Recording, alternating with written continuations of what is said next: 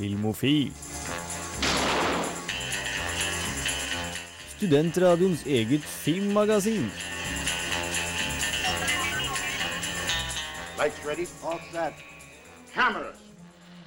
Action! Hjertelig velkommen skal du selvsagt være til nok en herlig, herlig sending av Filmofil her på Radio Revolt, studentradioen i Trondheim. Det er torsdag, mitt navn er som alltid Jens Erik Våler. Med meg i studio har jeg den fantastiske, den absolutt oppegående og den eh, akkurat nå spisende Gaute Eliassen. Ja, Hei. nå har jeg tygd ferdig, så nå er jeg klar for sending. Så bra. Eh, Jeg har også med meg Kristine Rokkan Eriksen. Hallo. Og eh, vi har Camilla med oss, men hun sitter utenfor studio og eh, jobber febrilsk med å bli ferdig med et intervju til Men dagens blir den sending. mest sannsynligvis å joine oss etter hvert. Ja, det, det vil hun nok. Det er bare hun får stressa seg ferdig, så skal det nå gå Ja. greit. Som alltid så skal dere få ukas kinopremierer, altså anmeldelser av disse. Dere skal få høre litt grann filmnyheter. Dere skal få ukas filmlåt, som presentert av Gaute Eliassen. Og eh, vi skal også anbefale litt eh, DVD-er og litt TV-serier, og rett og slett eh, kose oss ganske så fryktelig. Eh, I tillegg skal dere selvfølgelig få litt god Radio Revolt-musikk. Vi starter med Sidebrok. Her får du Hovdebygda.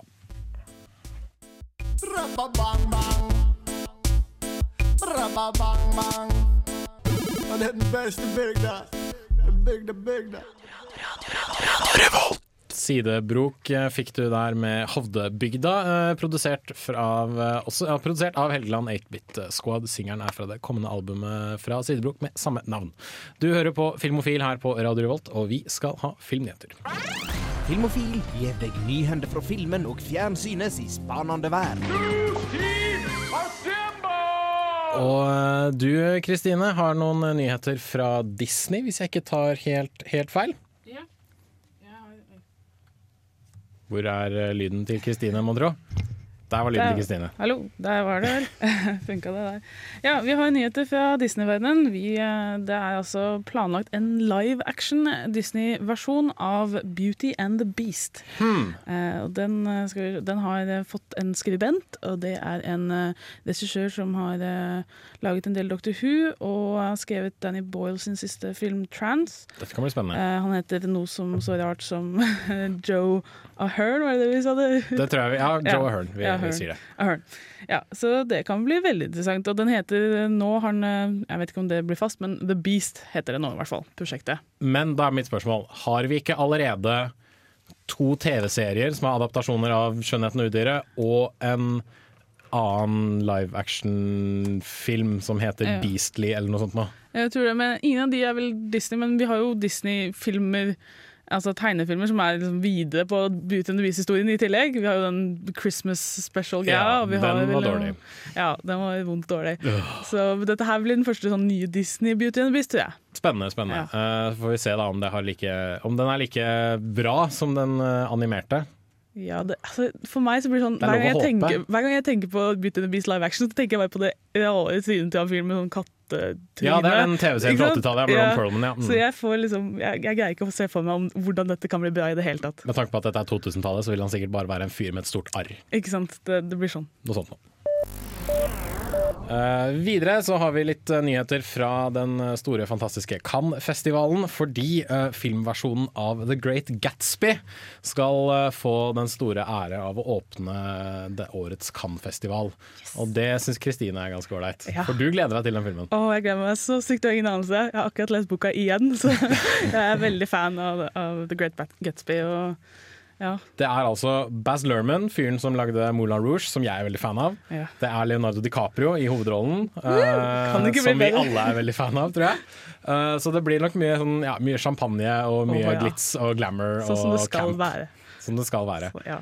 Så dette kan jo love godt. Jeg vet at noen sånn snobbete filmkritikere er litt sånn anti-Baz Lerman og anti hans versjon av Great Gatsby, men uh, Jeg tror han kommer til å fange den perfekt. jeg. du tror det? Ja, fordi Hvis du leser boka, så har den altså det har en melodi til hele boka.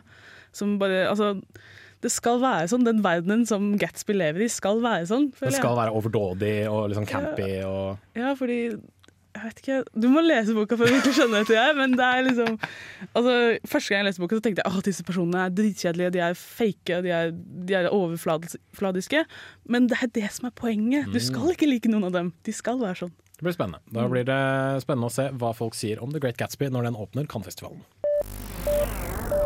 Og helt eh, til slutt, Kristine, så har du litt nyheter om en TV-serie som både du og jeg er veldig glad i. Ja, herregud, hvem er det som ikke, er, hvem er, Kjempegøy. ikke sant? Hvem er det som ikke liker Sherlock? Altså, Ah. Du må jo like Sherlock. Hvis du ikke, ikke liker Sherlock, så har du ikke sett Sherlock. De eh, holder på med sesong tre nå. Ja, De har akkurat begynt å filme sesong tre, Mhm. og vi har en eh, det var en, han Cumberbatch selv som sa da at det kommer tre episoder til etter de tre sesong tre. Altså, Så det blir en sesong fire? det blir en sesong fire. Selv om det er bare tre, sesonger, nei, tre episoder per sesong, så får vi en sesong fire. Hvor mange Sherlock Holmes-historier finnes det egentlig? Begynner de, når begynner de å gå tom? Det er, eh, det er en del. Jeg har ikke, har ikke lest alle, alle bøkene, så jeg har ikke telt dem, men det er en del. Men eh, man vet ikke noe om hva som kommer til å bli, eh, bli adaptert av tidligere Sherlock Nei, Holmes-fortellinger. ikke noen nyheter om, eh, om akkurat det, men altså, de kan jo velge å vrake. Eller de kan finne på nye ting, sånn som eh, Elementary gjør jo det hele tida. Så altså bare, Det er jo Mark eh, Gattis og, og Steve Moffat som skriver det her, og de kan jo det med å skrive sånn convoluted plots, sånn er det én ting Det de kan kan, de absolutt. så kan de eh, for- finne på en Sherlock Holmes-historie. For de av oss som også ser på Doctor Who og Ja. kjenner til episodene de har stått bak. Nei, men uh, Kult. Jeg liker eh, Sherlock, og jeg liker å høre at det blir eh, mer Sherlock. Så uh, vi eh, får holde forhåpningene oppe. Det var vår første runde av eh, filmnyheter. Vi kommer til å fortsette med litt mer etter at du har hørt Death Crush med lesson number 13 for Nanker Felge slash Fire. Is this what you want? Feel a need, occupy your source, give in to me. I know, I know this feeling. Feel a need, occupy your to me. Glad i Klevebrok. Eh, Jeg vil bare si, hør på Filmofil, så får du med deg mye bra stoff om film.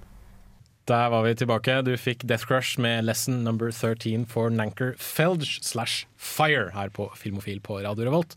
Vi har fortsatt litt grann filmnyheter å gi deg. Filmofil gir deg nyhender fra filmen og fjernsynets i spanende verden. Og eh, aller først ut så kan vi nevne at uh, Iran har lyst til å saksøke Hollywood. Ja. Og eh, hvis noen syns dette er fryktelig rart, så syns egentlig jeg det også. Men det er rett og slett fordi de er litt sure på Oscar-vinner Operasjon Argo. Fordi de mener at den sprer litt rykter og løgn om Iran som ikke er sant. Ja, jeg, Så løsningen er tydeligvis å saksøke hele jævla filmindustrien i USA. Jeg leste en eh, artikkel her forleden som het bare 'Fuck you, Argo'. eh, som snakka om det at eh, liksom, åpningssekvensen er skikkelig bra og viser hvordan iranerne ble, ble behandla dårlig. og sånne ting Og så resten av filmen er bare dem som skurker. liksom Ja, altså, nå har de fått en eh, Det er en fransk advokat som heter Isabel Cotin Per, eller Peir, P-E-Y-R-E. Hun skal rett og slett da forsvare uh, Iran og få, dem, få USA til å, eller få Hollywood da, til å stanse distribusjon av Operasjon Argo. Men hva er det de, altså, hvem spesifikt er det de saksøker? For du kan jo ikke saksøke liksom bare Altså, Du kan jo ikke saksøke et land, det går jo ikke an. Nei, altså, det er vel da rett og slett produksjonsselskapet da, Ja. tenker jeg, som, skal stå bak, eh, eller som står bak, og distributøren som står bak eh, Operasjon Argo. Og dette, ja, dette gjør de for at eh, Iran tydeligvis har, eller trenger bedre behandling i, i filmens verden. Kanskje de går gjennom menneskerettighetsdomstolen eller noe sånt. Ja, de kan påberope Sånn sånn æresdrap eller noe sånt. Nei, Vi får se, men det blir i hvert fall spennende å høre hvordan det går når Iran saksøker Hollywood.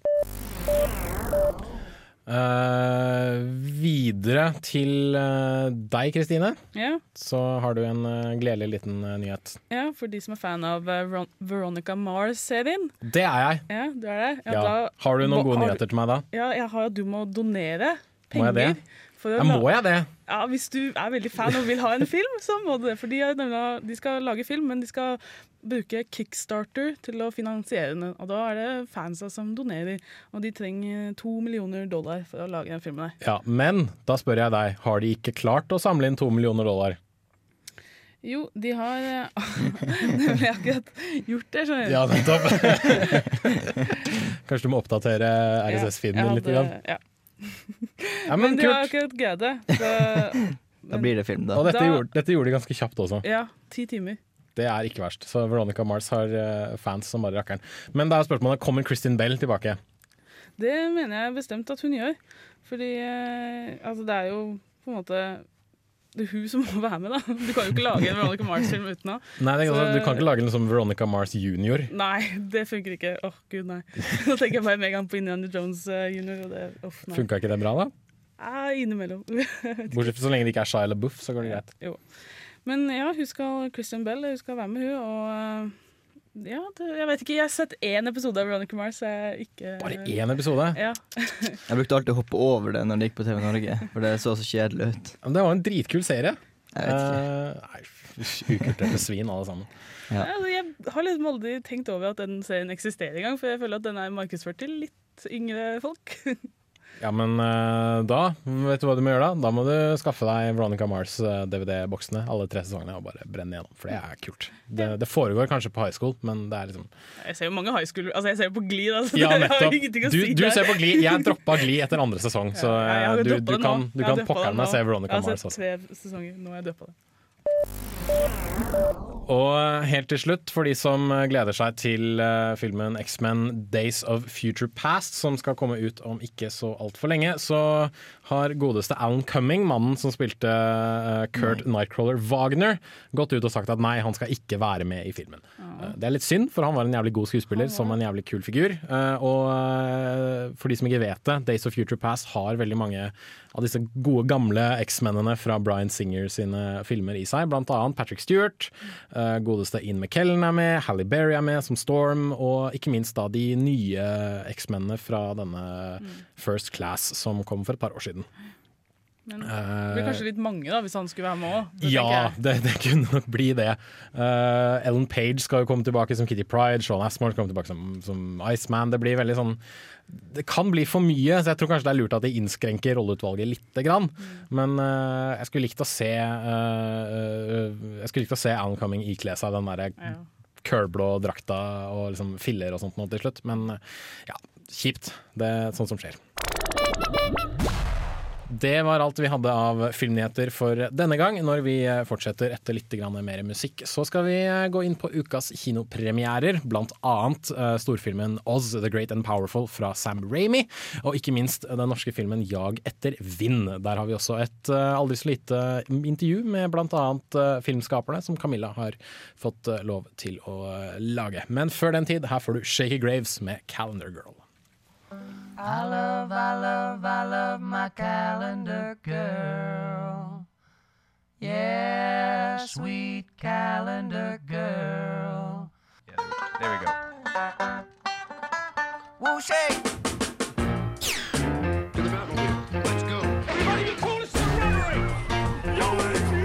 Dette er Filmofil. Film, fjernsyn, skuespillere, kamera, action. Ja, rubb og stubb her på Radio Revolt.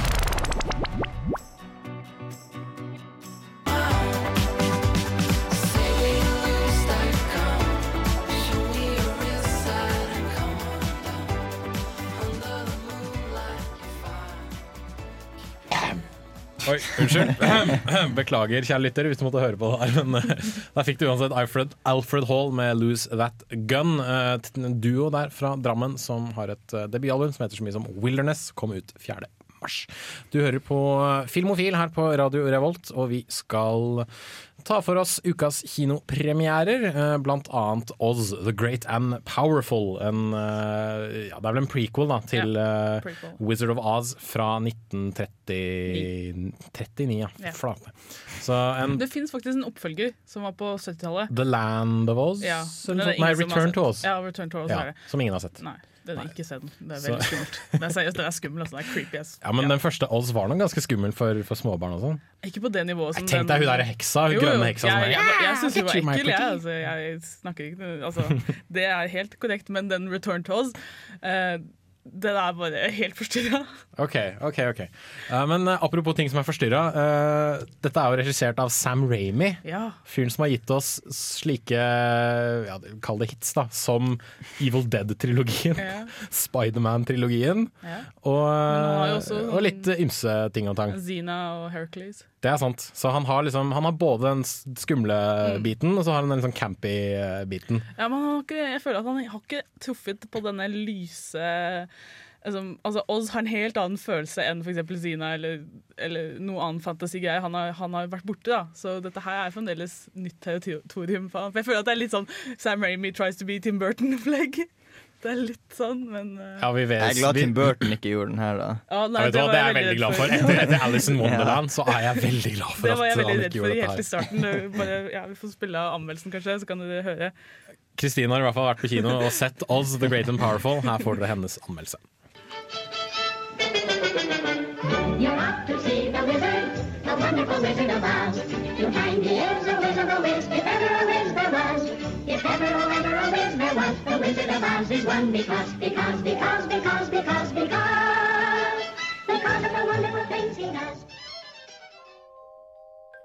We're off to see the wizard, the wonderful Wizard of Oz. Men denne gangen skal du bry deg om mannen bak teppet. Oz, eller Oscar, er ikke en trollmann, men en magiker. En illusjonist som drømmer om å være en slags Houdini. Han kommer nok ikke lenger enn et reisende sirkus, der hans største triks er å bruke samme triks på et ukjent antall jenter. Vi er selvfølgelig i Kansas, og en tornado kommer snart susende inn og drar oss med til landet med samme navn. Der lander han ikke på en heks, men i nærheten av en, som forklarer at det er han som er trollmannen profetien sa skulle komme og redde landet. Kansas is full of good men. I don't want to be a good man. I want to be a great one. Am I dreaming? You're in Oz. I'm Theodora the Good Witch. Where's your broom? You don't know much about witches, do you? En ukjent oppfølger til side, så har de fleste av oss ikke vært på besøk i Oz siden Julie Garland tok oss med i 1939. Det er en barndomsopplevelse mange holder kjært, og å leke seg med nostalgi er en farlig affære. Greier Oz å fange den samme fantastiske følelsen? Det første vi ser er en tittelsekvens som fikk meg til å tro at jeg hadde vandret inn i en Tim Burton-film med Danny Elfman til og med som komponist. Det er Sam Raimis navn som endelig kommer opp. Og han er jo godt kjent innen fantasisjangeren, men ikke på den lysere siden Oz ligger på. Heldigvis går forventningene betydelig opp i løpet av de første ti minuttene. Her er det svart-hvitt, men bruken av 3D og litt farge får en til å føle seg som på et sirkus.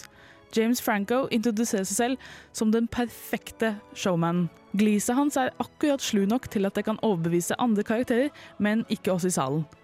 Zac Braff, som kommer tilbake senere som stemmen til en flyvende apekatt, viser at han absolutt burde spille mer tørr humor.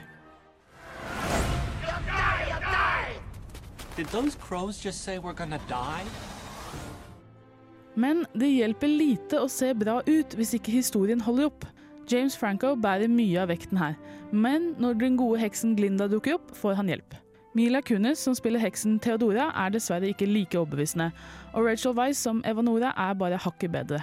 Oz er jo eventyr 101, så å si, men problemet tror jeg ligger i at trollmann Os og Glinda virker som ekte personer med ideer og smarte løsninger, mens søstrene Theodora og Evanora blir i kontrasten redusert til veldig enkle eventyrkarakterer. Hadde den verdensvante Oz vært den eneste som vi kunne relatere til, hadde heksenes tankegang kunne vært bortforklart, men de er heller de eneste uten full personlighet. The royal treasure of Oz. It belongs to you. But only after you defeat the Wicked Witch. Just how wicked is she? Towns were destroyed. Children were orphaned. Great wizard from Kansas. I've waited for you to come and set things right. Oz the Great and Powerful er både deilig å se på og en til tider morsom og søt historie. Den går fullt ut på alle fronter, det skal den ha, men jeg forventet litt mer forklaring på hvorfor Oz trengtes i landet Oz. Filmen har greid å oppdatere alt og holde på det gode gamle, bortsett fra når det gjelder heksene, som egentlig ikke var veldig interessante. Terningkast fire. Take.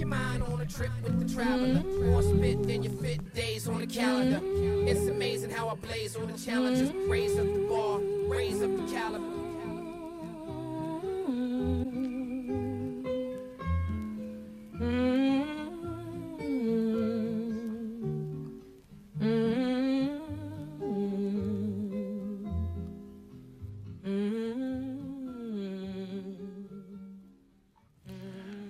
Kweli fikk du der med The Traveler, og før det hørte du Kristine anmelde Oz, The Great and Powerful, uh, nye filmen til Sam Ramy, altså en prequel til The Wizard of Oz. Uh, det hørtes ut som du likte den eh, ganske godt, Kristine. Ja, jeg var Det ble en kanskje- terningkast fire til slutt. Ja, jeg var kanskje litt streng med terningkasten, men det var bare fordi at liksom starten Å, jeg var sånn skikkelig grei i starten, og jeg så åpningssekvensen og, og svart-hvitt, og hvordan plutselig alt ble farge, og jeg følte at jeg var det barnet igjen som så Wizard of Oz for første gang. Og så liksom ble jeg litt sånn skuffa over heksene, da. At de var liksom De Ja, var så veldig heksete. Ja, for det, det nevnte du på, på slutten av anmeldelsen din, at Ja. du de, de var ikke helt, eh, helt hva du forventa, kanskje? Ja, altså, når, jeg, når jeg hører liksom om prequel, og at vi skal høre hvordan han kom til oss, og så kommer han der, og så er det liksom Ja, de er hekser, de er onde, de prøver å ta over kongeriket, men liksom hvorfor? Eller jeg ville alle Du vil ha litt motivasjon, rett og slett? Ja, det var ingen motivasjon i hele tatt. Han hadde masse, Glinda hadde masse, The Good Witch, liksom, men heksene, de slemme, de får liksom bare Altså, Hun ene får litt sånn eh, Altså at hun blir dumpa av en mann, da. det er sånn litt Åh, ja, OK. Det er litt sånn på kanten, kanskje? Ja, da, da blir jeg ond, liksom. Hallo. Da, liksom. Selvfølgelig blir det det. Altså, ja, det, altså blir jeg, Hun har jo looken riktig, da. Selvfølgelig. mm. Hun ser jo ut som sånn som heksa i Wizard of skal se ut. Uh, så det er big props for Temilia Kunis uh, som, som Spoiler. får- Ah, ja, jeg tror jeg hadde sett alle blås. i bildene av Blås. henne. Ja, det er faktisk sant. Det er faktisk sant. mange bilder har jeg ikke sett av henne i det grønne antrekket? Men ja, det, hun skal få full eh, props for å, for å gjøre det. Altså, for det, det må være creepy å bare spille i det og ta seg seriøs. Men eh, en ting jeg hørte du ikke nevnte i anmeldelsen, var jo hvordan ting ser ut. Mm. For en ting jeg merka i traileren, er at det starter i en sånn Mm. svart-hvitt, kjedelig menneskelig verden, og så kommer han til Oz, og så går det fra 4-3 til widescreen. Yeah. Det går fra svart-hvitt til farger og sånt. Hvor fungerer den overgangen, og ser, Ja. ser det bra ut? Det, ser, altså, det var jo 3D, og jeg hadde selvfølgelig glemt linser, så jeg hadde 3D-bilder og vanlige bilder. Og selv da så fargene bare ja. Som en som også bruker briller og må ha 3D-briller over vanlige briller, så vet jeg hvor jævlig det er.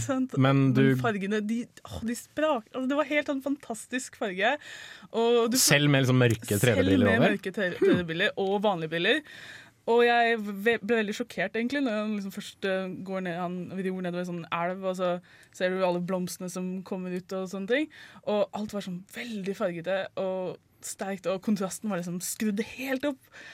Og ja, det føltes litt sånn jeg vil, jeg, vil, helst ikke nevne Alice i Eventyrland, siden vi veit åssen vi føler om det, men det var litt sånn at wow, det her, nå har de liksom bare slengt Det var sånn de skulle gjort Alice i Eventyrland, ja, kanskje? det var kanskje det. Og du føler at dette Du kan liksom Du kjenner deg igjen. Det er det som er så gøy. At du kjenner deg igjen at nå er du i Oz, selv om det er liksom CJI istedenfor sånn sett som det var i 1939.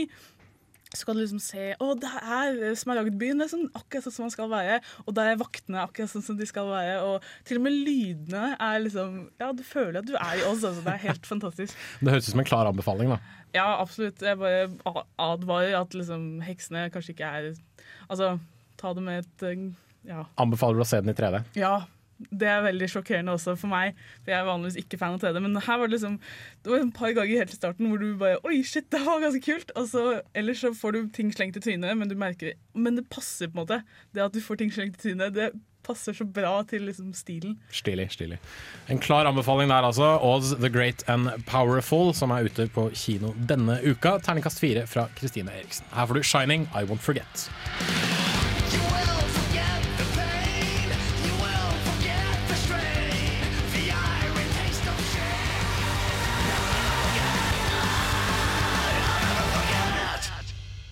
Shining hørte du der, I Won't Forget her på Filmofil. Og vi eh, tar fortsatt for oss ukas kinopremierer. Vi har beveget oss fra USA og hjem til eh, Norge og den nye norske filmen som heter så mye som Jag etter vind. Eh, Den har du vært og tatt en kikk på, Camilla? Yes, Ja. to ganger faktisk. To ganger, faktisk. Ja. Ja, for eh, ikke bare har du vært og sett film, du har også vært og intervjua gutta bak filmen. Det har jeg. Rune Denstad Langlo Stemmer. og minn meg på hva han siste Tobias heter. Santelmann. Tobias Santelmann. Yes. Uh, og du så filmen to ganger. Fordi Først så, så du filmen tidlig på dagen, og så så du filmen på festpremiere. Mm. Du har rett og slett vært på kjendisfest. Jeg har vært på kjendisparty. Det var superstas. Kjempegøy. Så fikk jeg muligheten til å snakke litt mer med ham på kvelden, så det var gøy. Stilig. Uh, ga det mersmak, kjendisfestopplevelsen? Helt kjendisfest-opplevelsen? klart. Det blir den første, det. Forhåpentligvis ikke. Da har eh, store forhåpninger til Kosmorama-åpningen nå, for da skal det jo være litt eh, party da også. Ja, ja, ja. Da, vet du hva? da kan du bli vår kjendisfest-korrespondent. Ja, vi trenger en sånn som kan være sånn Ja, stuntreporter. Bare, Ikke sant? du prisen. Så, så sender vi Camilla ut på, ut på uh, Jeg liker det. jeg liker det. Yes, på launchparty på Kosmorama. Mm. Uh, men eh, hyggelige karer som du fikk lov til å prate med. Veldig trivelig. Mm. Så før vi hører litt eh, hva du har å si om eh, filmen, så tenker jeg vi skal høre litt på intervjuet Camilla har gjort. Hei, jeg heter Rune Dense Langlo, og jeg er regissør for filmen 'Jag etter vind'. Tobias Antelmann, jeg er skuespiller i filmen 'Jag etter vind'. Jeg har vært så heldig å få snakke med Tobias Santelmann og Rune Dønstad Langlo om den nye filmen 'Jag etter vind'. Eh, En kjempefin film om en ung kvinne som reiser hjem til bygda hun kommer fra, når bestemora hennes dør. Veldig melankolsk og varm. Du har en ting for det melankolske, du, Rune. Fins ikke noe bedre følelse enn melankoli, vet du. Nei, det er veldig Blir så varm inni sjela. Det. Det er det som driver oss. Melankolien, så egen lille hule. Jeg skal ikke spore helt av her, men det er ikke hver dag jeg får muligheten til å snakke med noen som har spilt i en Oscar-nominert film, Tobias. Hvordan var Hollywood? er det det vi skal snakke om? Jeg har vært i en eh, by som heter Los Angeles. Der jeg har jeg kjørt rundt i bil. Det Var spennende, eller? Masse kjendiser og viktige folk. Jo, eh, fint. Det fineste var egentlig eh, å møte og samle hele liksom Første gang vi møtes alle sammen igjen siden premieren i Haugesund. Så det var en fin sånn liten reunion vi hadde over der. Vi har jo med Ja. Anders òg, vet du. Anders Båsmo Christensen. Vi har med nesten halve flåta i den filmen. det er Ja, det er, men det er stort sett sånn det er. Ja, det er kanskje litt slim pickings av gode skuespillere her i Norge. Da blir det litt sånn gjenbruk, i mangel av bedre ord. Du har jo spilt i en rekke filmer i det siste, Tobias. Blitt litt sånn uh, popdrop, som man sier. Hva, hva kalte du det? Det er trøndersk. Drops? Er det, det, Det er bra, det er kompliment. Ja, det er litt sånn at eh, du er litt sånn the hot shit right now. The hot liksom. shit Mm. right now. Ok. Det- det Eh. Jeg har kommet meg litt ut av, eh, av eh, den svarte boksen som heter Det Norske Teatret. eh, Som er et veldig fint teater å være på. Og så er det litt fint å lufte seg litt, og det er det jeg gjør nå. Og så skal jeg tilbake igjen på teatret. Så du har lyst til å fortsette med teater, selv om du er big time movie star nå, altså? Ja, det vil jeg, da. Teater er jo helt topp. Vil du si at du foretrekker teateret fremfor film? Eh, Jeg foretrekker helst begge deler, hvis jeg kan få lov å svare bare det. Det er klart du kan få svar. Du trenger ikke å velge, vet du. Natur spiller jo åpenbart en viktig rolle i filmene dine. Eh, I både nord og Jag etter vind befinner vi oss i all hovedsak ut. Hva gjør det her for uttrykket i filmene dine? Nei, altså mine filmer handler jo ofte om eh, mennesker, ensomme mennesker som har store problemer med å kommunisere med hverandre, og som prøver å finne frem til hverandre. Da. Og den enorme liksom, naturen forsterker jo de der små menneskene i, i det store intet. Hva er en del av utfordringene med å filme så mye ute? Altså Nå filma vi jo i juni, men juni i Trondheim er jo som eh, november i Oslo. på Mm, annet vis. Det som er utfordringene, er jo først og fremst altså været. Det skulle være en varm sommerstemning, men vi var jo ned i fire-fem grader. Og Marie rusler rundt i den shortsen sin eh, likevel. Ja, og Marie som har hovedrollen måtte jo gå rundt i en liten short. Eh, Vi gikk jo der i boblejakka og glemte jo det, da. Nå skal det sies at vi var veldig heldige. da. At vi hadde oversida sol og ganske fint vær i to måneder. Og dagen etter at vi dro, så begynte det å regne, og da regna det i to måneder.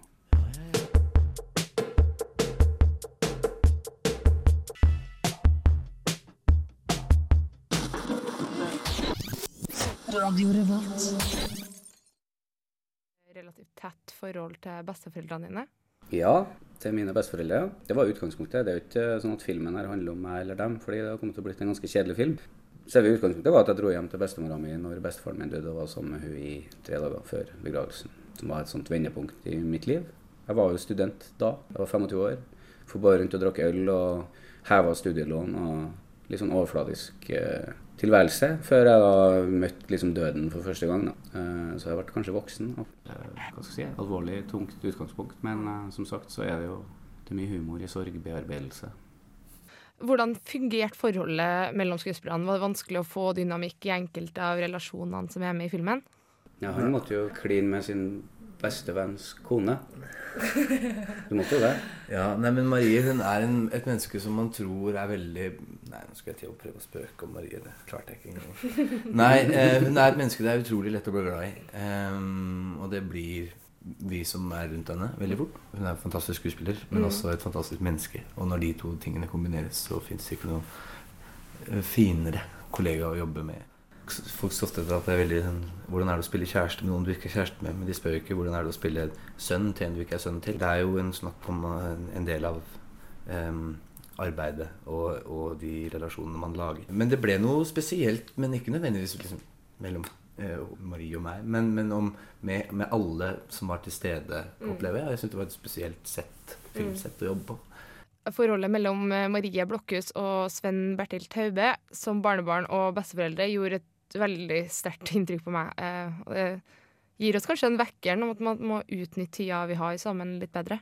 Min eh, beste kompis tok med seg en sånn båndspiller eh, når bestemora hans var veldig gammel, og satt og snakka med henne i tre timer på terrassen om hele livet hennes. Og Det angrer jeg på at jeg ikke gjorde. Ja, det kan jeg forstå veldig godt. Det, er åpenbart en film med mye følelser.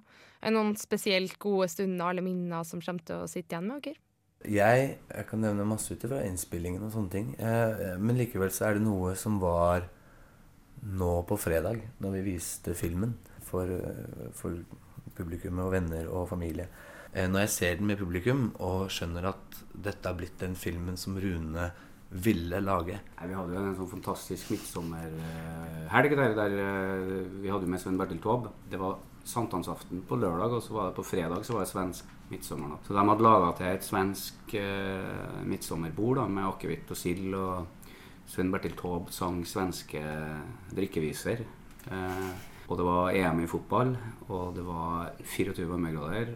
Og dagen etter så, så spilte vi fotball en hel dag. Og det Mm. var sankthans, og det var en sånn, det var en sånn helg som jeg aldri kommer til å glemme. Hvordan tror du folk kommer til å ta imot filmen? Hvem, hvem kommer til å dra oss igjen her? Jeg tror eh, alle sammen som har et, et litt sånn uoppklart forhold til sin familie, vil ha godt av å se denne filmen her. Og da snakker vi om millioner av mennesker. Fordi alle har jo det. Men jeg tenker at i forhold til Nord, eh, som ble sånn ålreit likt av alle, så tror jeg nok det her er en film som dem som liker den, dem tror jeg kommer til å like den ekstra godt. Den er mye bredere, den filmen her, enn i Nord. Og den eh, har mye større emosjoner. Den er et større drama, og den har omtrent like mye humor. Så jeg tror den skal være enda mer tilgjengelig, da. Jeg tror de med et rikt indersjelsliv vil like den filmen veldig godt. Nå er jeg litt inhabil, men jeg syns det er en bedre film enn Nord. Er du inhabil, da? Du har jo gjort begge to. Ja, den her har han jo skrevet manuset på også. Å ja, nettopp, ja. Mm. Denne her er bedre enn den som Erlend var med på. Nei, men poenget er at Erlend eh, sitt manus er jo Det er veldig Erlend. Det er liksom vår stemme. ikke sant? Mm. Og det var jo enklere på Nord da når jeg skulle presentere den, Fordi da kunne jeg jo skylde på Erlend da, hvis det gikk dårlig. Men nå er det så skummelt, fordi at nå har jeg ikke Erlend der. Så er det noe mer filmer i vente, da? Jeg har begynt å skrive allerede. Du har det? Mm. Nå, du har lyst til å dele allerede nå? Eller? jeg kan dele at den er skrevet til selve Trondheim, da. Yay! Men så er det jo sånn at eh, man skal være forsiktig å si sånne ting, fordi 99 av de ideene som man har, eh, 99 av 100 ideer får man nei på. Det er, mye, det er mye fin natur og mye fine omgivelser. Sånn hvis man bruker Nidelva, Bymarka Trondheim, etc. Det er jo helt Mm. jomfruelig. Det er jo ingen som har laga en ordentlig film fra Mm. Trondheim. Enn til deg, Tobias. Hva ligger i framtida? Jeg holder på å forberede meg på å lære trøndersk dialekt. Sånn at jeg kan være med på en ny film til Rune Langlo om Trondheim. Hva er det her? Kan Hva er det her, ikke da? kan ikke gå rundt sånn som det her. Ja, nei, så jeg skal, jeg skal lære meg trøndersk. Det er min store plan. Mm. Da er det åpenbart mye å glede seg til for oss publikum. Tusen takk for tida deres, og masse lykke til på alle nye prosjekter. Gullhår i ræva. Der hørte du Camilla Klein intervjue Rune Denstad Langlo og Tobias Santelmann i forbindelse med den nye norske filmen 'Jag etter vind'. Og eh, etterpå så skal Camilla få lov til å eh, trille sin eh, vakre lille terning og anmelde filmen, men før den tid så får du Don Martin og Tommy T. Her får du Nilsen på Filmofil Radio Revolt. Skyer over sentrum som om to styr. Boka om Oslo er fortellinga om to byer. Som om historia til hovedstaden var Charles Dickens. Hvis du lurer, her er en hilsen fra Oslo-gutt. Så kan du høre byen puste ut. Her er en hilsen fra en Oslo-gutt. Don Martin og Tommy T fikk du der med Nilsen, og Don Martin han påpeker at jo da, han kommer fra Oslo. Det, det var jeg tydeligvis ikke klar over eh, tidligere. Uansett, eh, fra, noe, nei, fra det til noe helt annet. Du Camilla har vært og sett 'Jag etter vind'. Yes. Og eh, ut fra dette intervjuet ditt med Toma, Tobias Santelmann og Rune Langlå, så virka det som en spennende liten film. Det var veldig, veldig, veldig gøy. Um, jeg vet ikke helt hvor jeg skal begynne engang. Begynn å si hva det handler om, da. Ja, OK. Um, Kanskje. Ja, ok. Det handler om Anna, da, som er egentlig hovedpersonen. Hun Mhm. befinner seg i Tyskland.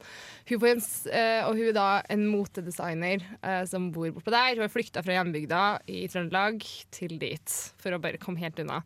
Får en telefonsamtale eh, om at bestemora hennes har dødd. Og hun har vokst opp eller til dels med sin bestemor og sin bestefar, så hun drar hjem.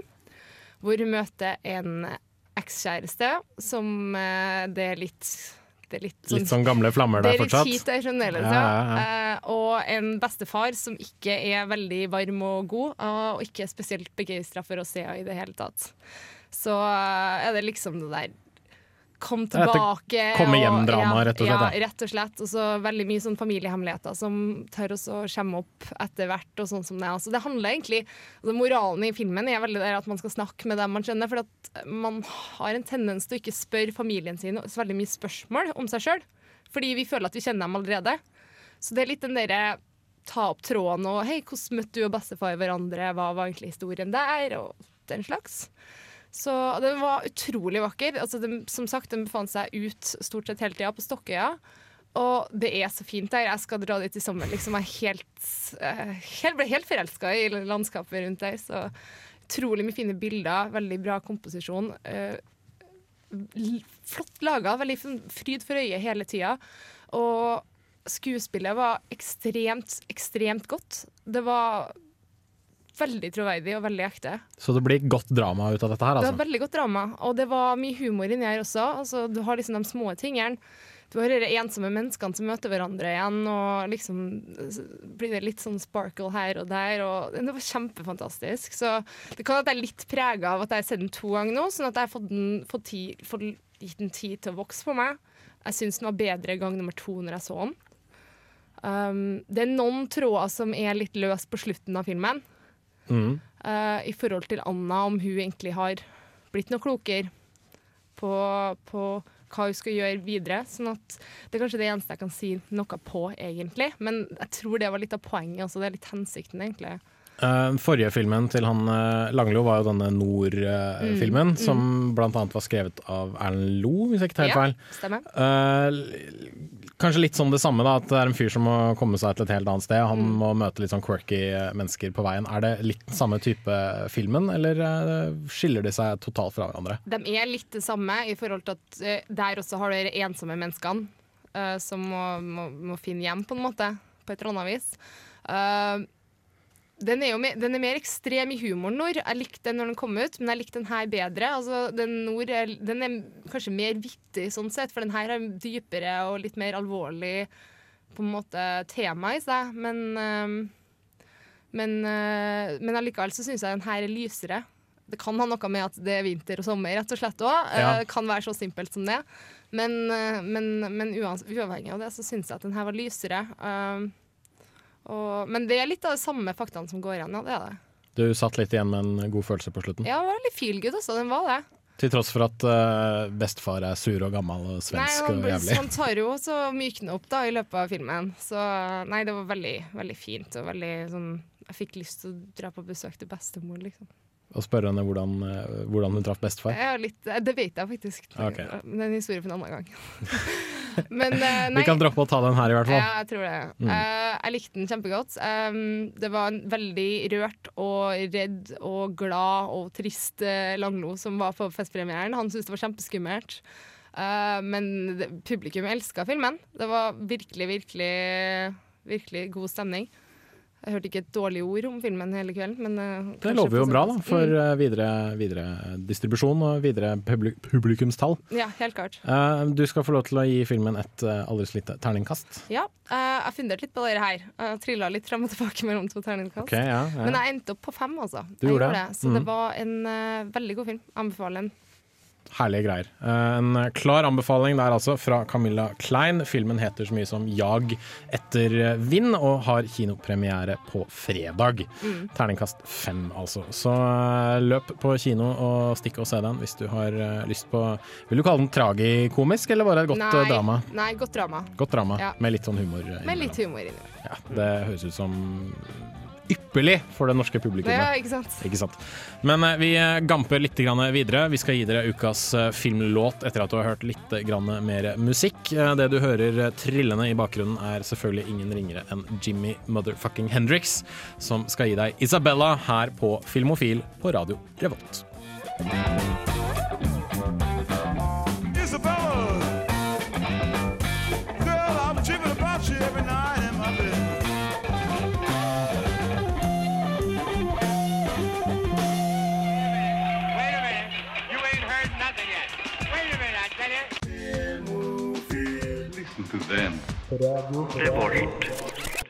Once. Det er jo alltid å ha musikk når den er påtent. Helst noe indisk eller pakistansk. Ukas filmlåt.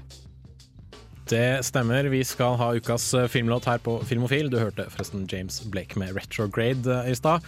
Og jeg må bare uttrykke min litt eh, Nå er jeg litt forvirra her, Gaute. Du skulle ha med deg ukas filmlåt Ja. denne uka, og du lovte i, i e-postene som vi utveksla uh, tidligere i uka, at du skulle ta det til det neste nivået. Ja, eh, om det er på en bra måte eller en dårlig måte, det gjenstår å se. Men ja, eh, nå, nå, må jeg, nå må vi male et lite bilde for den som sitter og hører på her. For nå, Helene har kommet inn i studio. Hei, Helene.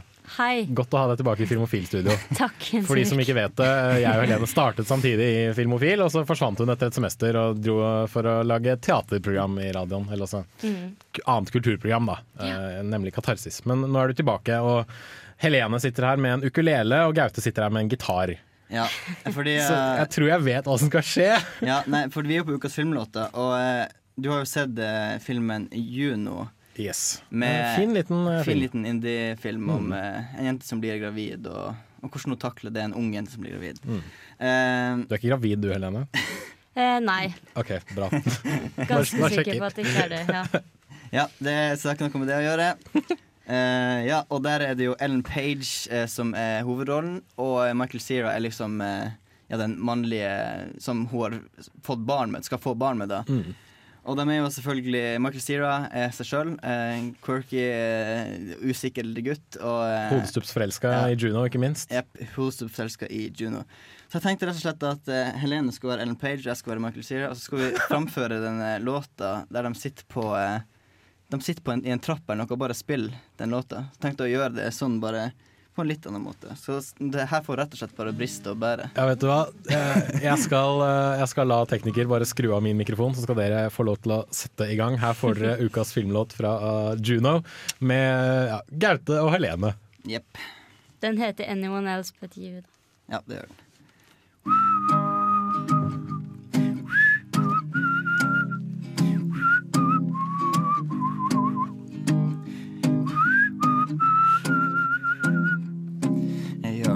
Part-time lover and a full-time friend. The monkey in your back is the cutest trend. I don't know anyone can see anyone else but you. Here is the church and here is the steeple. We sure are cute for two ugly people. I don't see what anyone can see in anyone else.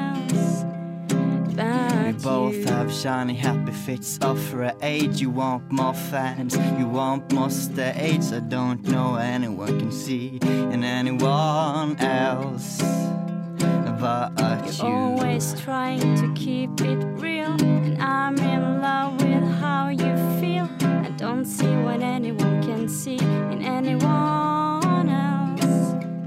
I But kiss you on the brain in the shadow of a train. I kiss you all starry eyed, my body swing from side to side. I don't see what anyone can see in anyone else but you. Peoples forgive me, the trees forgive me, so why can't you forgive me? I don't see what anyone can see in anyone else.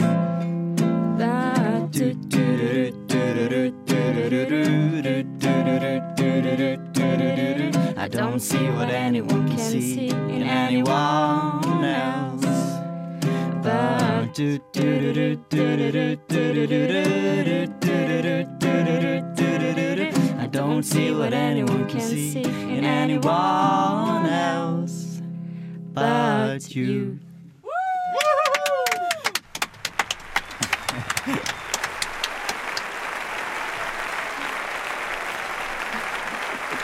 Fy fader.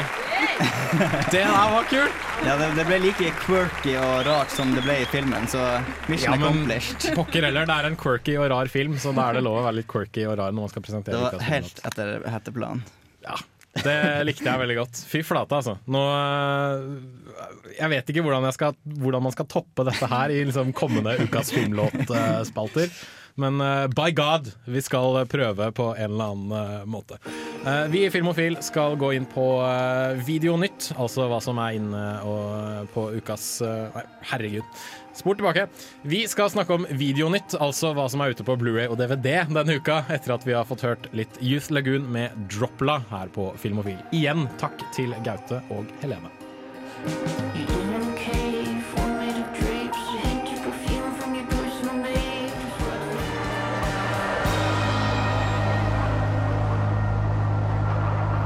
Youth Lagoon hørte du der her i eh, Filmofil på Radio Revolt, der vi er på ukas Videonytt. Nytt i videohylla. Rykende ferske digitalfilmer som du kan ha i din heim. Det stemmer, og eh, ja, hva skal jeg si? Jeg må nesten si at det er ikke så veldig mye spennende ute på Blu-ray og DVD denne uka. Nei, du... Nei, litt å ta, altså. Eh, men eh, vi kan da kanskje velge oss ut lite grann. Eh, jeg blant annet har lyst til å anbefale en eh, japansk animasjonsfilm av Goro Miyazaki som heter så mye som 'Møte på Valmueåsen' på norsk. Eh, fryktelig teit tittel, men en ganske så fin og nydelig liten film om ung forelskelse og litt krig og litt død og fordervelse, men likevel en veldig veldig fin liten film. Eh, du Kristina, sett deg ut en TV-serie? Ja, jeg ser at sesong én av serien Luther kommer, og det er jo en sånn type sånn krimserie da, om en detektiv som heter Luther. Uh, med selvfølgelig personlige problemer i tillegg. Altså, Selvfølgelig. Ja, sånn, det er ganske, jeg, har sett, jeg har bare begynt så vidt, så jeg har sett tre episoder. Og det eneste jeg kan si at eh, Idris Elba er egentlig verdt å se serien. For hvis du er i noe tvil på om han kunne ha spilt neste Bond, så se den serien her, og du blir overbevist. Som altså. andre ord, Ja. Camilla. hint, hint. Nei, folkens, det har ikke noe med det å gjøre. Jeg digger Idris Elba. Jeg er gjør det. Han er smooth på alle typer måter, skulle jeg si, men eh, nei, noe bånd, det er han ikke. Jeg må bare se den serien her, for han kan den derre harde mannen med personlige problemer som han ikke vil vise til verden. Altså. Ja, ok. Det kan han, altså. Ja, ut. Det er jo litt flere krimting også. Altså Boks 22 og 23 av hvordan mysterier er ute. Ikke at det har så veldig mye å si for meg, men hei. Og eh, er du glad i BBC-serien Kalde spor, så kan boks 3 og boks 4 eh, kanskje være den for deg.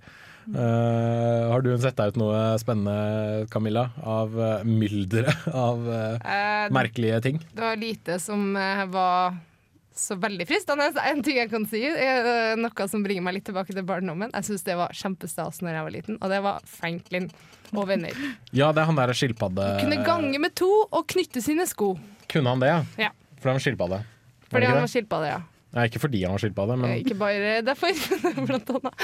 Nei, altså den er kjempekoselig. Du har uh, hans eh, mylder av venner. En kanin, en snegle, en bjørn og mm, alle andre. Det er veldig rart, egentlig, for de er skogsdyr, og han er en skilpadde. Så det er en spesiell blanding, egentlig. Men Men har du små barn, så kan det kanskje ja, være en jeg, jeg syns det er kjempestas.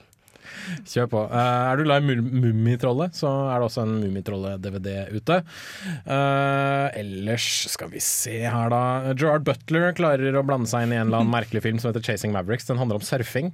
Uh, Gerard Butler sin track record for god film har ikke akkurat vært fantastisk i det siste. Han har, han har stemmen i How to Train a Dragon. Der gjorde han bra. Ja, det, men, men, men da, må han liksom, da må han være voldsom og skotsk, Mm. og det tror jeg han klarer ganske greit. Ja, og så Den siste bra filmen jeg så han i, er vel uh, Rock'n'Rolla. Og den er ganske kul. Den jeg anbefaler. Det begynner å bli et par år siden. Da. Ja, og så t- Før det så var jo 300. Det var jo Det var liksom de Ja. tre filmene som man, husker, som man kommer til å huske han PS I. Love You, guys? Det Nei. jo- nei, nei, nei, nei.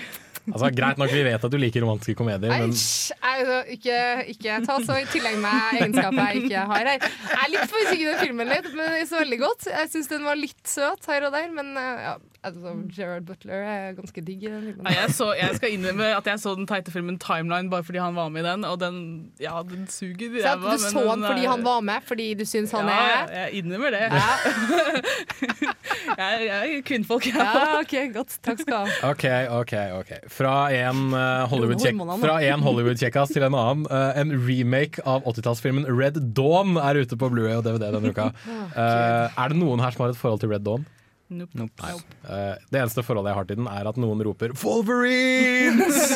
og så invaderer Russland USA. Uh, fordi det er det Russland gjør, tydeligvis, på 80-tallet. I denne nye versjonen skulle det egentlig være kinesere, men så tenkte de hei, vi kan ikke gjøre Kina forbanna. Så derfor går vi inn digitalt og forandrer dem fra å være kinesere til å være koreanere. Denne filmen skulle egentlig kommet ut i 2010. Den Stemmer kommer det. ut først nå. Oh. Men der er Chris Hemsworth en av hovedrollene. No way! Yes! No way! Så jeg tror det kan være verdt å se Red Dawn kun for å se Chris Hemsworth Ja, eh, være i, en, i nok en actionfilm. Og helt til slutt, hvis du er glad i litt uh, norske dramafilmer, så kan vi nevne at uh, filmen 'Uskyld' har eh, videopremiere denne uka. Den var Kristine også på kino en gang, og den Mm. likte hun kanskje ikke så veldig godt. Uh, nei, altså Det var så ja, midt Så på som tre. så. Ja, vi kan uh, høre litt hva Kristine syns om filmen uh, etterpå. Uh, aller først så skal du få Joe Budden med 'Last Day', featuring Juicy J og Lloyd Banks.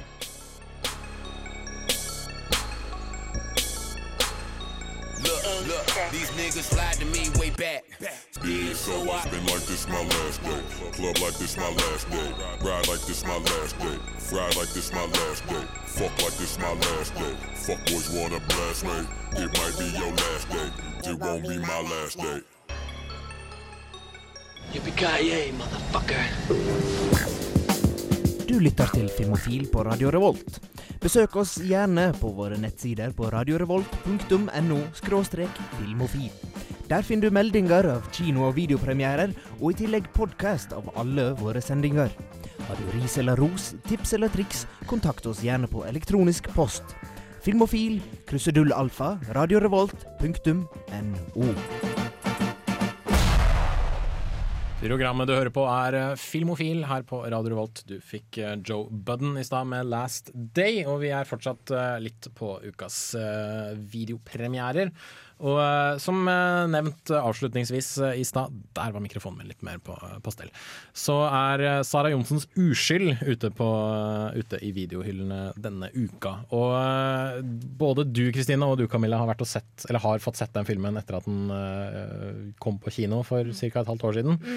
Og da må jeg kanskje, altså det, er jo, det er vel det man kaller et norsk sosialdrama, dette her. Kan stemme, ja. Ja, Hva er det egentlig med Hvorfor, hvorfor liker nordmenn norsk sosialdrama så Jeg vet ikke helt om det er det at vi liker det, heller. jeg tror bare at det har blitt en sånn trygg filmvei å Ja. gå, egentlig. At Ja. det er derfor det blir lagd flere av det. Det er, sånn- for det, det er det, og så er det ko komedier stort sett som blir lagd i Norge. Jeg tror den sosialdramagreia er litt sånn at vi føler oss jeg vet ikke, jeg føler oss intellektuelle kanskje litt. At Vi har den, vi går og ser på dem, og så føler vi at vi lager ordentlig film. Vi lager ikke tullefilmer. Vi lager ikke actionfilm, liksom. Nei, ikke? Vi lager ikke sånn Hollywood-møl. vi, vi lager ordentlige, seriøse filmer. Men nå har det brutt seg litt ut da, med sånn type Død snø og Trolljegeren, så det, det er jeg veldig glad for. At nå kan vi lage hva slags film vi vil. Ja, men det kommer kanskje fortsatt folk til å, altså det kommer fortsatt til å være folk som lager de seriøse ja, det klart. sosialdramaene Og det skal de få lov til, men variasjon er bra. Det er sant, det er jeg enig i. Uh, men dere nevnte i stad overfor meg mens vi hørte på den låta at dere, dere hadde kanskje litt høye forventninger til den, eller? Ja, altså jeg, Norsk film har jo blitt stadig bedre. Jeg, jeg hata jo norsk film da jeg var yngre. Jeg så, gadd nesten aldri å se dem.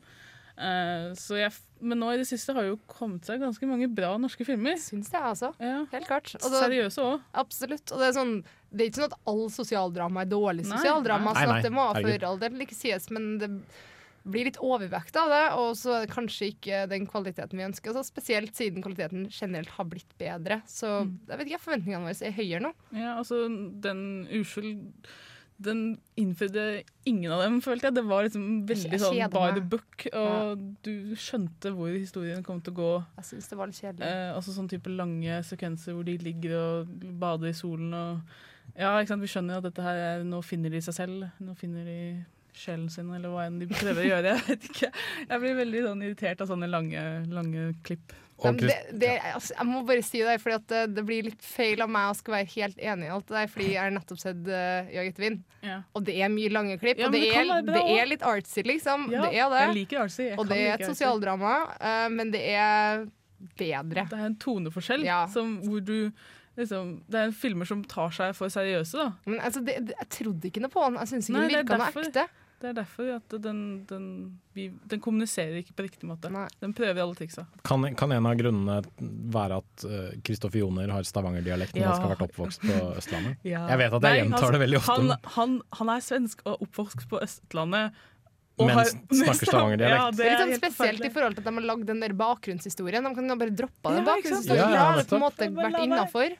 vi har et fåtall av gode norske skuespillere i Norge. Eh, norske skuespillere i Norge. Men ja, i hvert fall eh, Det er fåtall av norske skuespillere i Norge. Ja, det er det. Gode. Gode, ja. Ja. Sånn at uh, vi tar det vi får, men, men ikke, ikke gjør det vanskeligere enn det er. Da. Ta så Kutt ut litt av den bakgrunnen. Da. Du blir litt lei av dem òg, da. At du ser de Du ser samme veldig ofte du gjør det. Du kjenner igjen ansiktsuttrykket av dem. Med en gang, og nå, er hun, nå hun lei seg, for det ser jeg for jeg kjenner igjen det uttrykket så godt. Fra et annet film. Ja. Ikke sant? Så du blir sånn Åh, nå, ja, nå kommer hun til å begynne å grine hvert Så sekund. det vi spør etter, egentlig, er flere norske skuespillere. Bare ta så, ta så Sleng på dere rollen, folkens. Dra ut og velg lukker på noe castinga. Får at, blir- vi får håpe at eh, oppfordringen eh, finner fram til noen norske skuespillere som, eh, ja, som, som har lyst, i hvert fall, til å gå til filmen. Kanskje Ja. du, Camilla? Ja, helt klart. Ja. Du ble jo invitert på filmen til, nye filmen Ja, til Rune Rune det blir ble det mer som, mer som catering, tror jeg. Ja, men du kan hoppe inn i statistrolle, og så, er du av gårde, vet du. Ja. Her får dere uansett Kristines anmeldelse av Uskyld.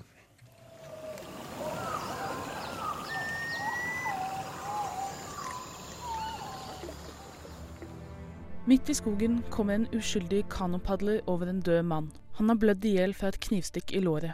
Ved siden av han ligger en kvinne nær døden, og litt lenger inn i skogen finner de enda en mann, denne slått i hodet med en stein. Gjennom en serie tilbakeblikk og fortellerstemmen til politikvinnen som leder etterforskningen, får vi se hvordan disse tre endte der de gjorde. Jeg vet ikke hva jeg skal gjøre med henne. Er hun en morder, Eller er hun et offer? Der er du jo. Jeg har en ny familie. Men deres historie begynte redan lenge siden. Janne, spilt av Maria Bondevie, møter to brødre da hun er veldig ung. William, spilt av Kristoffer Joner, og Ruud, spilt av David Denzig, er ganske ulike hverandre. William er på Jannes alder, og de blir gode venner og eventuelt kjærester. Ruud på sin side er konstant sjalu på dem og viser fra en ung alder voldelige tendenser. Det å spille en så gjennomgående ekkel person uten at det blir for mye, er en kunst, og dette greier Densik utrolig bra. Selv om alle tre imponerer, er det Ruud som er karakteren jeg fascineres av. Janne og William sitt forhold er litt vanskeligere å komme inn på. Vi må bruke hele filmen for å få bakhistorien, men fremdeles er mye av deres oppførsel uforståelig for meg. Ingen av disse menneskene er helt uskyldige, og det er nok det som er litt av poenget. Men jeg ble sittende og lure på hva jeg skulle få ut av filmen.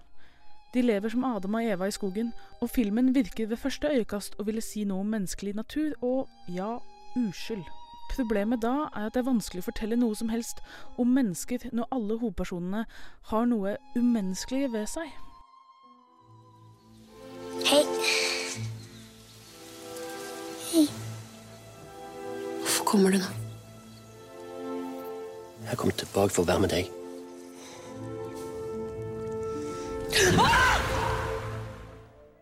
Er det sjokkverdi den går for, får den kanskje noen til å vri seg i stolen. Kanskje Uskyld egentlig er en film som viser oss filmvante hvor mye som må til for å sjokkere oss. Det er en visuelt gripende film, og filmskaperen får naturen rundt dem til å virke nesten unorsk, og nærmest, ja, som Edens hage.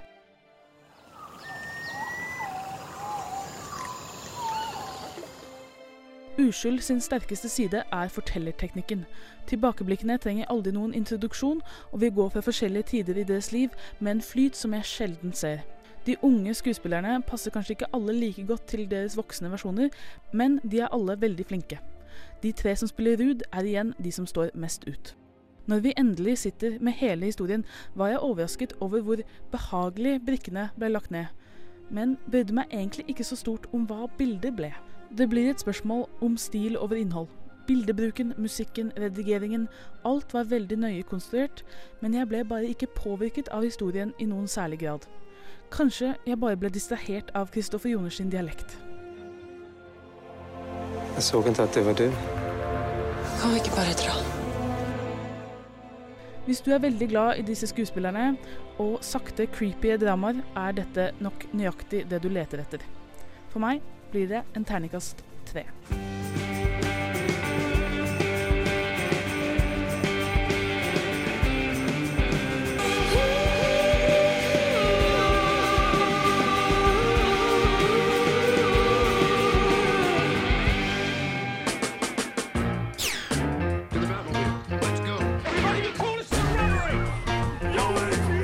Dette er Filmofil.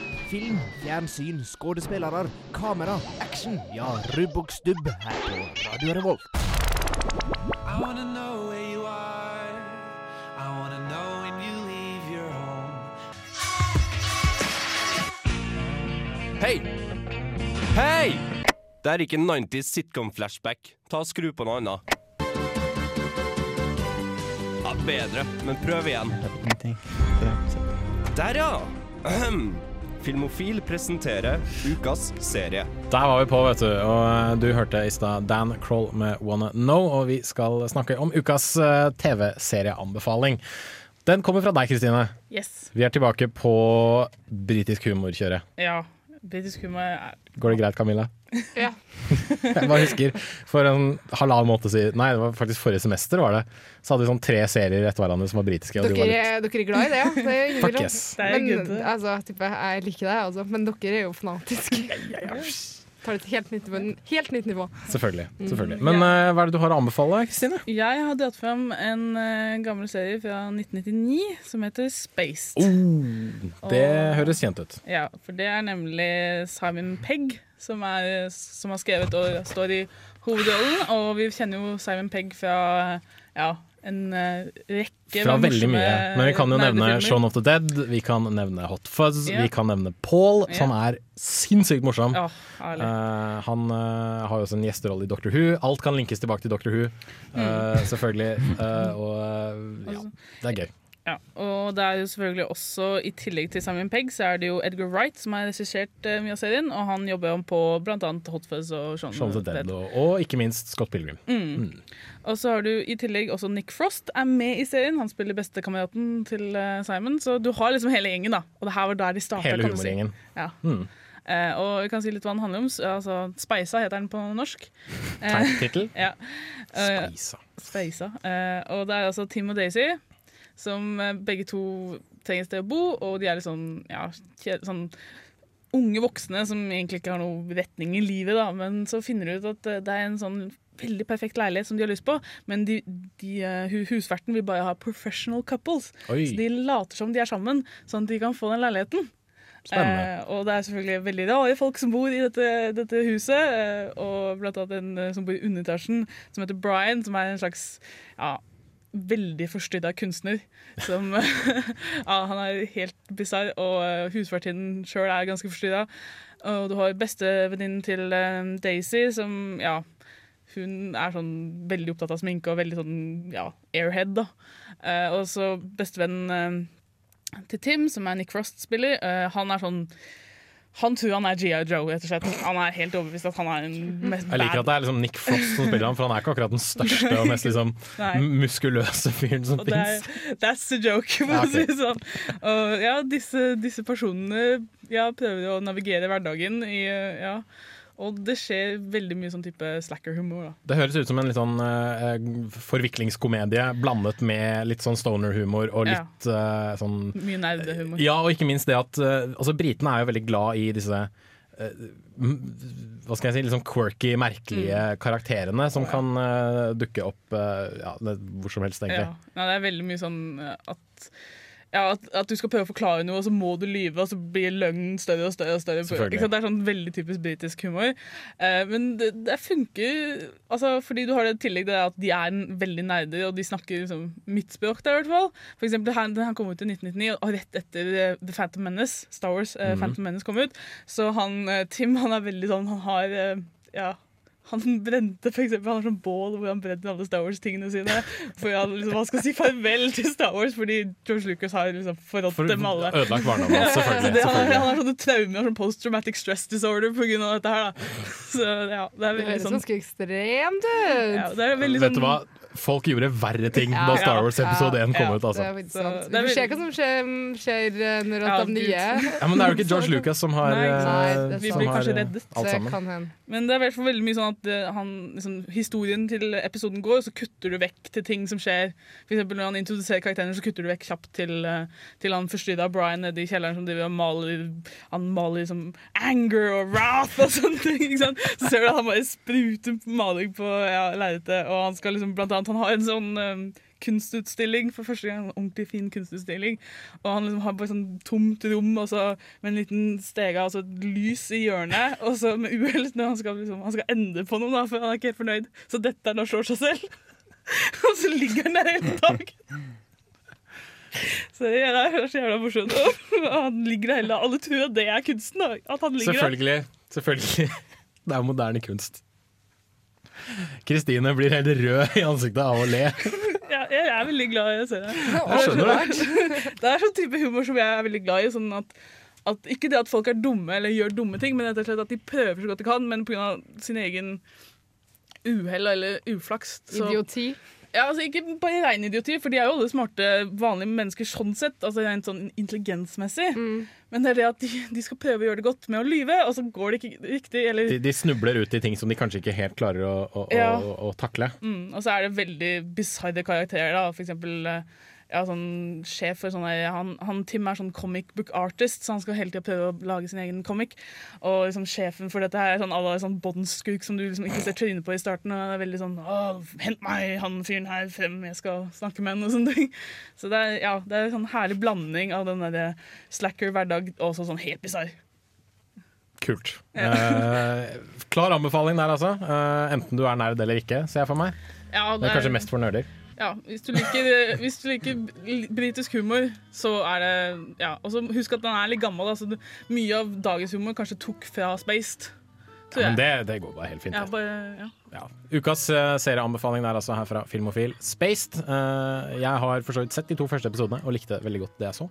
Så jeg legger min anbefaling inn hos Kristine. Her får du Unknown Mortal Orchestra From The Sun.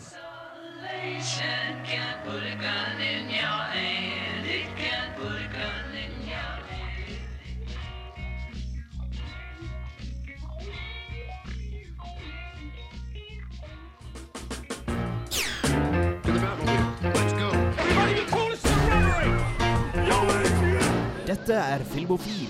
Film, fjernsyn, skuespillere, kamera, action. Ja, rubb og stubb her på Radio Revolt.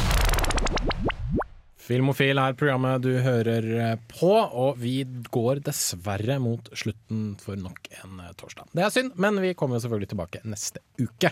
Eh, Vi kan ta en aldri så liten oppsummering av dagens sending. Ukas kinopremierer har vært Oz, The Great and Powerful and Mighty and etc.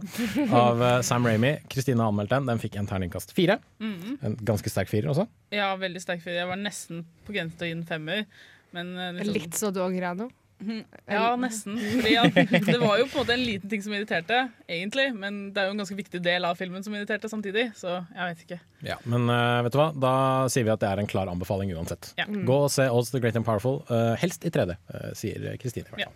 Eh, vi har også anmeldt eh, Jag etter eh, vind, den eh, nye norske filmen fra Rune Denstad Langlo. Den fikk en eh, femmer, Camilla. Stemmer. Det stemmer, så absolutt en klar anbefaling der også. Eh, noe mer du vil si om filmen før vi tar og runder av? Bare at den er eh, fin og, og Den er morsom? fin, og den er, den er vittig til tider, men det er jo altså, Det er et drama. Det er drama, og det er, en, det er en litt sånn seriøs og artsy film også. Sånn at hvis ikke det er din cup of tea, så ikke nødvendigvis Jeg, jeg likte den veldig godt, men, eh, og jeg vil anbefale de fleste å se den. Ja, så eh, anbefaling der altså, fra Camilla. Um, ukas uh, filmlåt ble presentert av eh, Gaute og Helene. De spilte musikk fra Juno. Fantastisk. Det var kjempe, kjempekult. Hvis du ikke fikk det med deg, så får du løpe inn på vårt radioarkiv på dusken.no slash radio og finne fram sendinga der, for det var absolutt verdt å få med seg. Eh, ukas serieanbefaling var eh, Spaced, den fra BBC, og uh, den uh, syns jeg er verdt å få med seg Altså. Ja, og den er bare å gå på Netflix og se, for det Yes. hele greia ligger der. Mm. Så det er veldig lett å bare la episodene gå med Netflix. så det går, Selvfølgelig. Er det 20, her. er det 20 minutters episode, eller er det, Det er, 40? Det er vel ja, 20? 20 minutter. Det er sju episoder og to sesonger. OK. I, altså, Det tar vi på en helg. sesong. Det går på en dag. Ja, jeg tok det på en, eh, på en helg. Det gikk fort. Yes. Uh, vi eh, er Filmofil. Vi må begynne å runde av. Men aller, først, aller sist så har jeg lyst til å si at uh, du må like oss på Facebook. Facebook.com slash filmofil. Og uh, hvis du vil se og høre mer fra oss, så finner du oss også på dusken.no slash radio, selvfølgelig. Dagens tekniker har vært K to the J to the Ashti Kjersti Nanke, eh, som har hatt sin første sending alene i studio. Så øh, jeg syns det gikk veldig bra. Ja. Det tror jeg hun syns at det gikk også, selv om hun stressa litt. Grann. Jeg er Jens Erik Våler. Jeg har hatt med meg Gaute Eliassen, Camilla Klein og Kristine Rokkan Eriksen i studio. Her får du Big Bang, Black Lights. Vi hørs neste uke.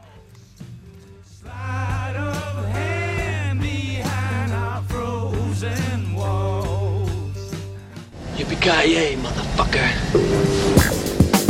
Du lytter til Filmofil på Radio Revolt. Besøk oss gjerne på våre nettsider på radiorevolt.no filmofil. Der finner du meldinger av kino- og videopremierer, og i tillegg podkast av alle våre sendinger. Har du ris eller ros, tips eller triks, kontakt oss gjerne på elektronisk post. Filmofil, krusedullalfa, radiorevolt.no.